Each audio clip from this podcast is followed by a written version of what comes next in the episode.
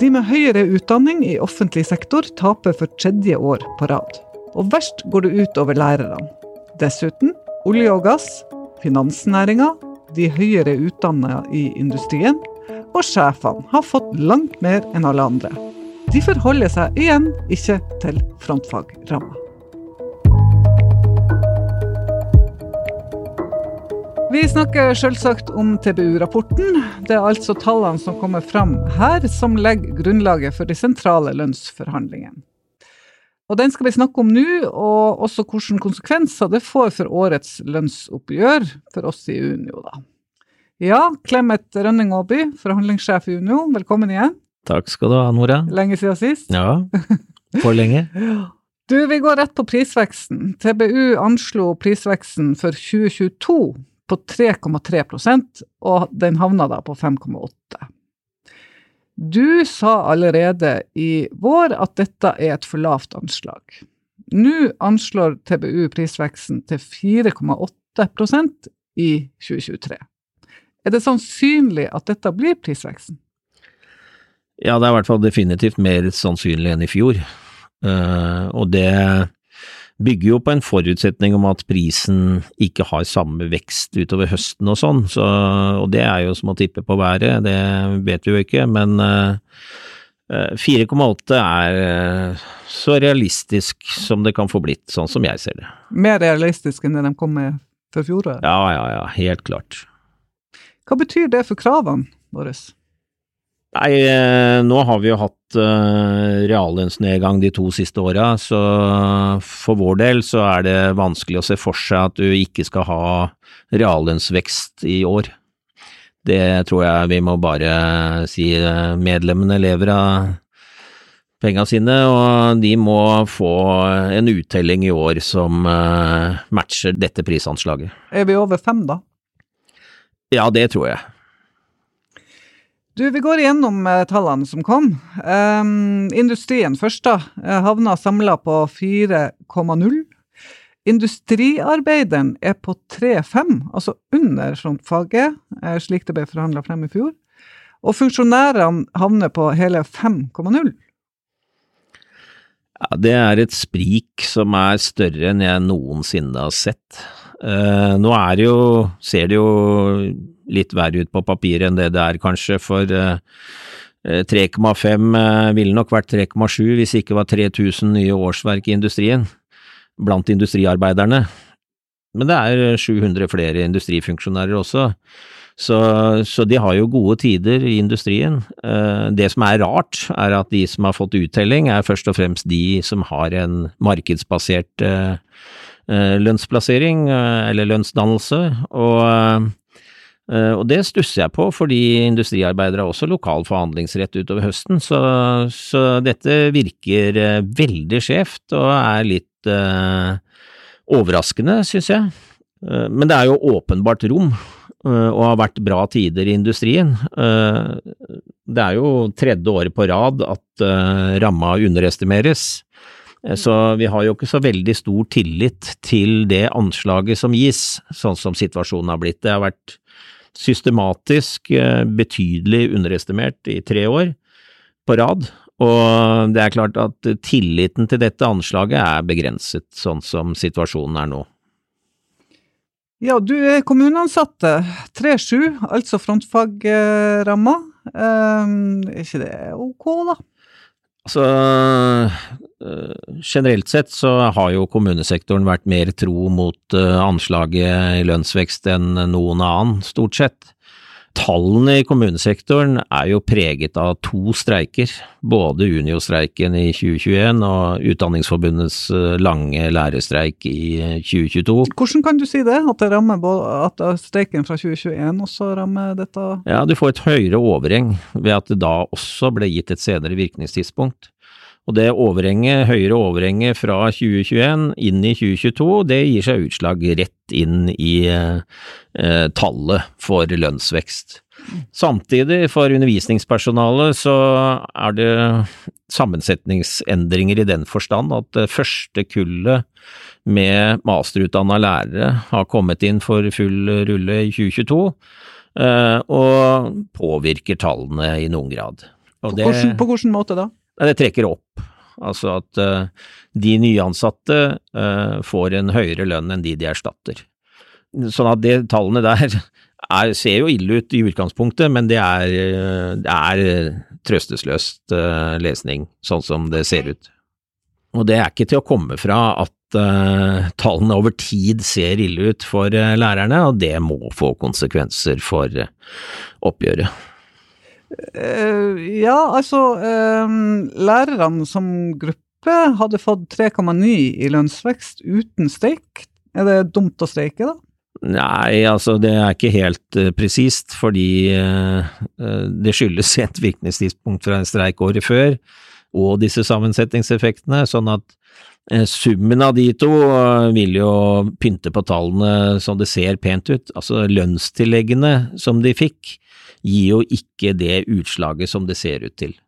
Og det er fordi måten vi måler lønnsvekst på, så er det alt som skjer som blir eh, inn i tallene, og det er glidning som skyldes andre forhold enn eh, lønnsvekst, som da påvirker tallene i tillegg til de to streikene. Og det, staten er et annet eksempel.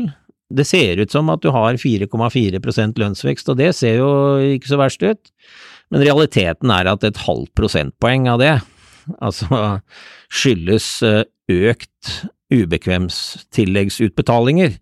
Og det skyldes økt aktivitet i Forsvaret og i noen grad politiet, hvor politiet har fått flere ansatte. Det er færre ansatte i Forsvaret, men det er flere ansatte som da får enda mer. Mens det er færre, altså flere ansatte i politiet som går turnus, som gir utslag i økte utbetalinger. Eh, og det skyldes eh, ytre Schengen grensekontroll, hvor det er tilsatt et vesentlig antall politi, midlertidig for øvrig, som da gjør seg utslag i statistikken. Og det er klart, sånne forhold har jo ikke noe med Og det er jo registreres jo som lønnsglidning og ser ut som lønnsvekst, men det skyldes ikke lønnstillegg. Det skyldes andre forhold.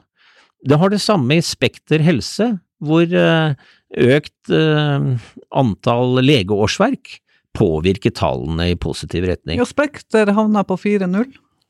Ja, helseforetakene havna på 4-5. Ja. Eh, øvrige bedrifter i Spekter, Vinmonopolet og NRK og mye Mm. annet, eh, havna på fire blank. Ja. Man kan si at sykehusene havner på 4-5, da. Ja, men det skyldes jo endringer i arbeidsstokkens sammensetning. eh, Der også, hvor stor grad vet jeg ikke, men, men Og det er jo noe som skjer, og stort sett så trekker det opp lønnsveksten i offentlig sektor, da, sånn som det ser ut her. Mm. Eh, mens eh, 3000 nye årsverk industriarbeidere, det trekker ned lønnsveksten til industriarbeideren fra 3,7 til 3,5. Men for, for oss som ikke har så mye håndbagasje, så er det, så er det litt sånn vanskelig å forstå. Ja, det forstår jeg godt. Altså, du har jo mer enn nok håndbagasje du, Nora. Men, men eh, når det er sagt, det er klart at det kompliserer jo bildet vesentlig. Men det er ikke til å stikke under en stol at utdanningsgruppen i offentlig sektor, målt opp mot den lønnsveksten som er for eksempel i finansnæringen og blant funksjonærer, gjør jo at arbeidsmarkedssituasjonen forverres for utdanningsgruppene. Og det eh, Altså, hvis en sykepleier heller blir saksbehandler i forsikring og får høyere lønn uten turnus og med hjemmekontor, så er det klart at valget er fristende å droppe den eh, bakgrunnen du hadde sett for deg, og hoppe inn i en annen bransje hvor du kan få utnytta kompetansen. Og det, det er jo en arbeidsmarkedssituasjon som særlig legger press på offentlig sektor i sentrale strøk, men også Utkant-Norge. Mm. Så her må jo arbeidsgiver innrette seg i offentlig sektor sånn at de eh, må motvirke den arbeidsmarkedseffekten av disse tallene som vi ser her, nemlig at utdanningsgrupper er etterspurt i privat sektor, og det legger press i arbeidsmarkedet på tilsvarende grupper i offentlig sektor, særlig de som er direkte markedsutsatte. Og dette har vi jo sagt år etter år. Ja, i kommunesektoren er det jo sånn at uh, ingeniører og høyere akademiske saksbehandlere og sånt noe forhandler bare lokalt, og også der er lønnsveksten høyere enn for de som har sentral og lokal i, i monopolvirksomheter av type helse og utdanning. Og når vi nå snakker om lokal lønnsdannelse, uh, hvis vi går litt tilbake til staten, da. Eh, var det et vellykka grep eh, Unio Stat eh, gjorde i fjor med å gå inn i en tariffavtale med akademikerne, som jo betyr mer lønnsdannelse lokalt? Ja, altså de kollektive forhandlingene er jo flytta ned til forhandlingsstedene etter den delegasjonsfullmakten som personaldirektøren har gitt ned til forhandlingsstedene. Og vi har tro på at det bedre kan sikre en profil som er mer treffsikker til de gruppene vi representerer. Mm. Det vil jo bli en forhandling om rammene for disse forhandlingene når vi kommer til statsoppgjøret, men det er nokså åpenbart at den arbeidsmarkedssituasjonen som du kan lese av de tallene i eh, Teknisk beregningsutvalg, utfordrer jo arbeidsgiver hvis de skal beholde høyt utdanna personell i eh, staten og i kommunesektoren, å ha en stabil arbeidskraft i disse yrkene som vi representerer. Men det staten har gjort, eller Unio stat har gjort da, eh, kunne det være en idé som man kunne også gjøre i kommunesektoren? Jeg tror ikke tiden er inne for eh, den type grep i et mellomoppgjør. Mellomoppgjøret er først og fremst en prisregulering. Jeg tror at årets oppgjør må løses gjennom generelle grep, eh, gitt det systemet vi har. Men det er helt hevet over enhver tvil at eh, den koordinerte sentrale lønnsdannelsen er i betydelig grad utfordra, også i kommunesektoren. Og det kan godt hende at uh, hvis vi ser en tilsvarende manglende vilje og evne til å ivareta utdanningsgruppene i eh, kommunesektoren og offentlig sektor for øvrig, så vil du få ytterligere systemendringer som fragmenterer forhandlingssystemet, og som gjør koordineringen vanskeligere. Men det er et svar på den markedssituasjonen som gjenspeiles i de tallene vi ser fra TBU, og er altså en utfordring for de som da fortsatt er tilhengere av en sentral lønnsdannelse i all hovedsak for uh, vesentlige grupper. Og det er klart, uh, for eksempel lærerne er jo det. Sykepleierne er uh, også det, men de tar vel gjerne penga der de kommer, så kanskje i litt større utstrekning enn det lærerne gjør. Men vi skal ha en enhetsskole, vi skal ha et felles offentlig helsevesen som er av bra kvalitet, med høyt utdanna personell. Og det fordrer altså at du har arbeidsgivere som ser seg tjent med å møte de utfordringene på en positiv måte. Og hvis de ikke gjør det i år, da? Ja, da tror jeg mye rakner i disse systemene.